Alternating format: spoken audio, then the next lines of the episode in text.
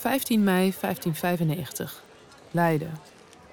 Op een klein pleintje naast de gevangenis van Gravensteen wordt vandaag recht gesproken. Een stuk van het plein is afgezet met koorden. En daarbinnen zitten op banken de schepenen. Statige mannen met zwarte mantels en mutsen. Achter hen kijkt een nieuwsgierige menigte toe. Dan wordt de verdachte voorgeleid. Een week eerder pleegde hij een moord. Het slachtoffer was het zoontje van Jan Jacobszoon van der Poel, die na een paar dagen aan zijn verwondingen overleed. De naam van de verdachte weet ik, Profetie, maar niet hoe hij er op dat moment uitziet. Misschien komt hij met neergeslagen ogen op, de staart tussen de benen. Of misschien is hij opstandig, blaft hij zijn cipier af, probeert hij zich nog één keer radeloos los te trekken. Dan volgt de uitspraak. De rechter oordeelt dat profetie door den scherprechter aan de galgen tussen hemel en aarde zal werden gehangen, dat er de dood na volgt. Ophanging dus. Een straf die een moordenaar in die tijd kon verwachten. Zelfs als die moordenaar, zoals in dit geval, een hond was.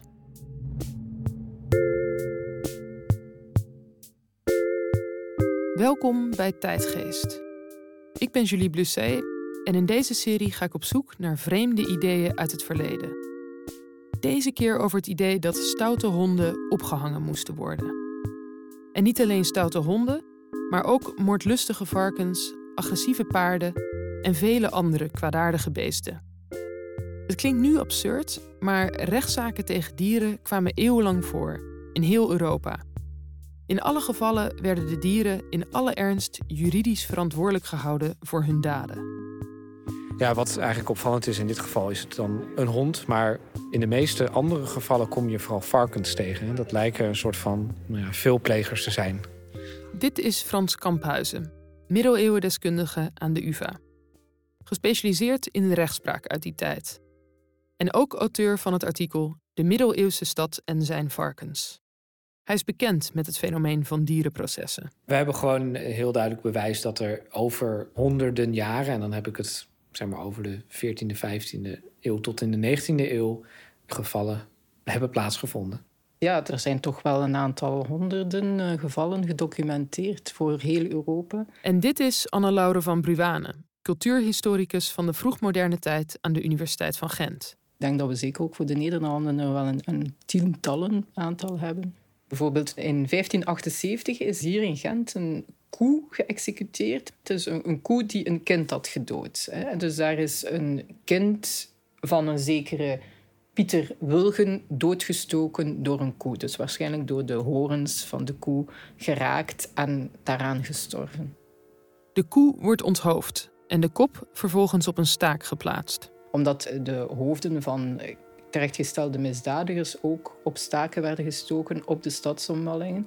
Om te tonen aan de inwoners. En daar stond dan dus op een gegeven moment tussen allerlei hoofden van mensen op staken stond dan een, een, hoofd van een koe. Ja, precies, ja.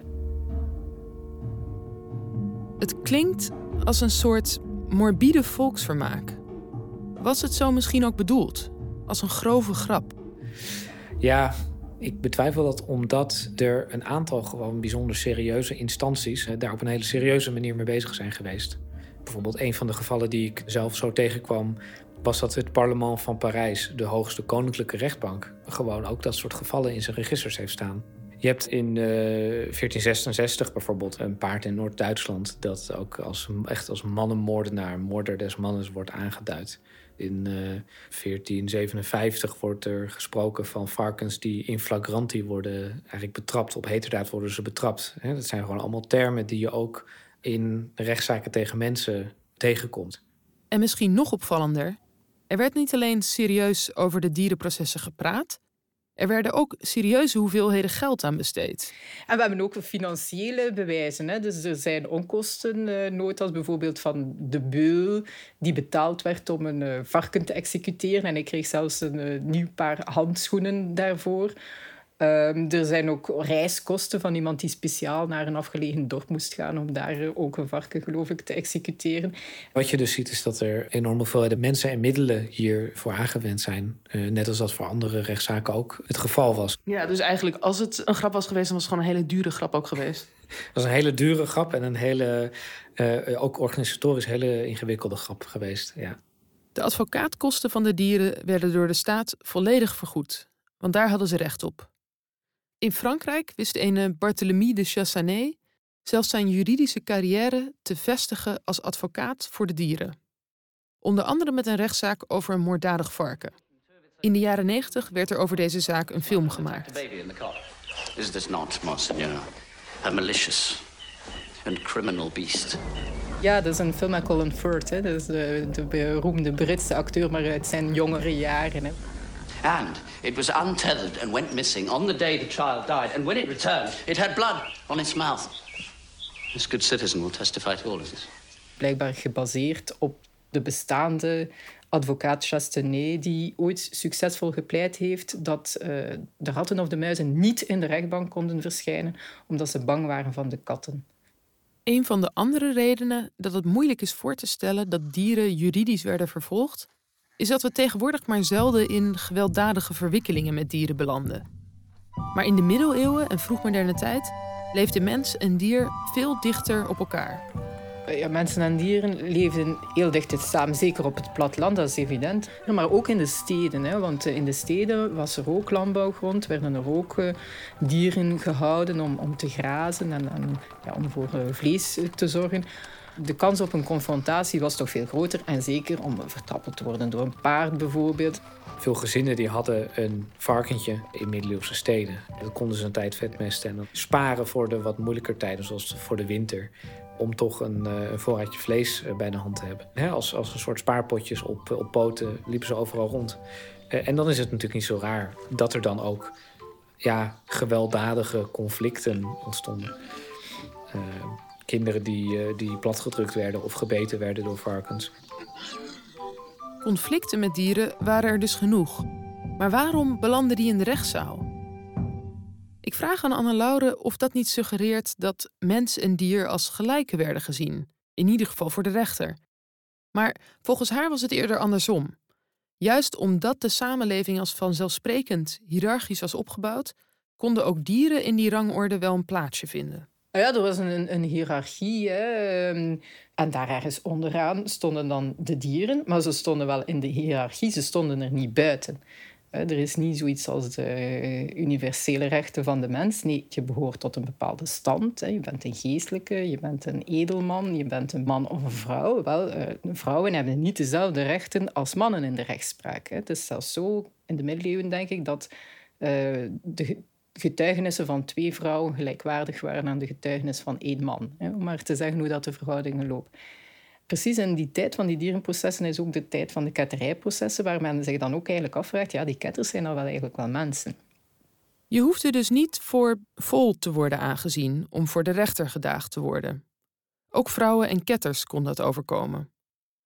Dat dieren soms in de rechtszaal moesten verschijnen, zegt volgens Anne Laude dan ook niet zoveel over hoe tegen die dieren werd aangekeken.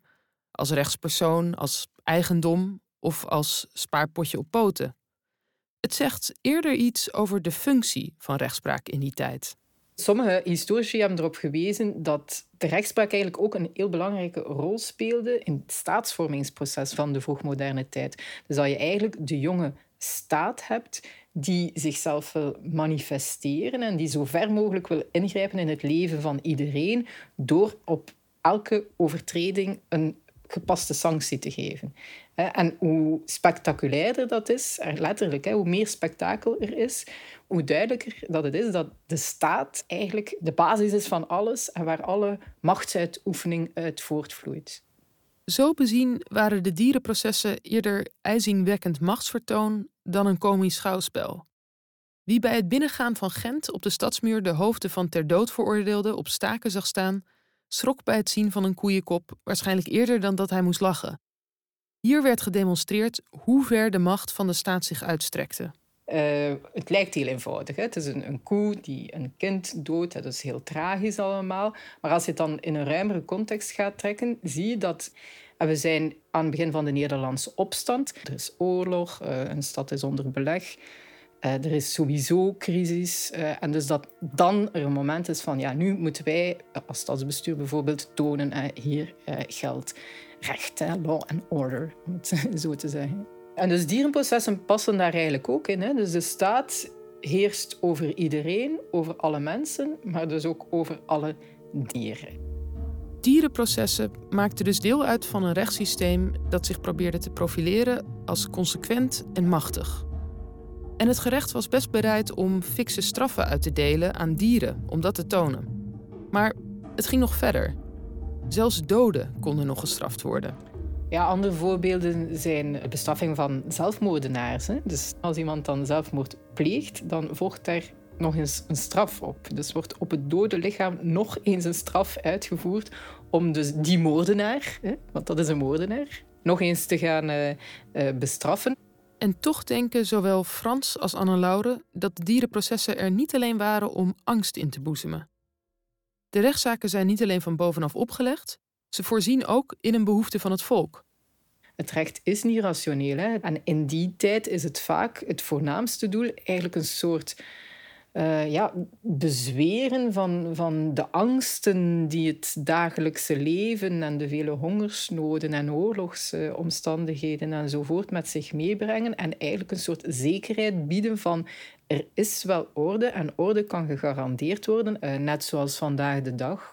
Als er ergens een, een groot drama gebeurt, uh, dan willen mensen ook vergelding. Hè? Dat uh, in de Verenigde Staten kan je tot honderd maal de doodstraf krijgen, bijvoorbeeld. Dat is natuurlijk ook volstrekt irrationeel, maar het is wel een manier om aan te geven van wij vinden dit heel erg en dus willen wij daar heel erg tegen optreden.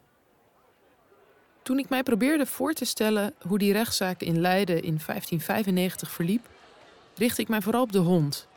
Hoe misplaatst hij moet hebben geleken. Daartussen de plechtige schepenen, tegenover een rechter die op barse toon zijn vonnis voorlas. Maar achter mij in het publiek moet ook de familie van het slachtoffer hebben gestaan. Overweldigd door verdriet, op zoek naar genoegdoening, vergelding, troost.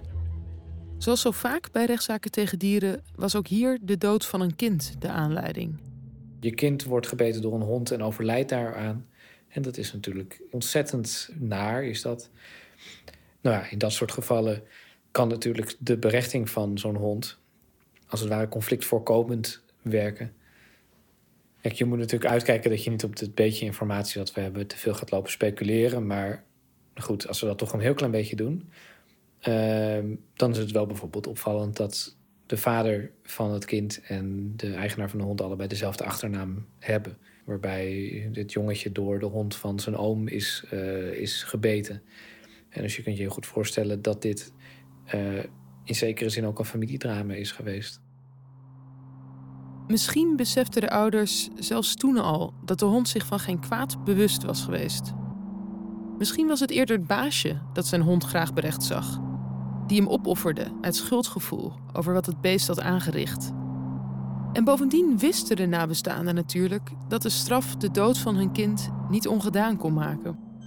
Maar toch, wellicht dat dit vreemde proces de familie op de een of andere manier hielp om in een chaotische wereld vol dood en verderf om te gaan met het onrecht van een gestorven kind.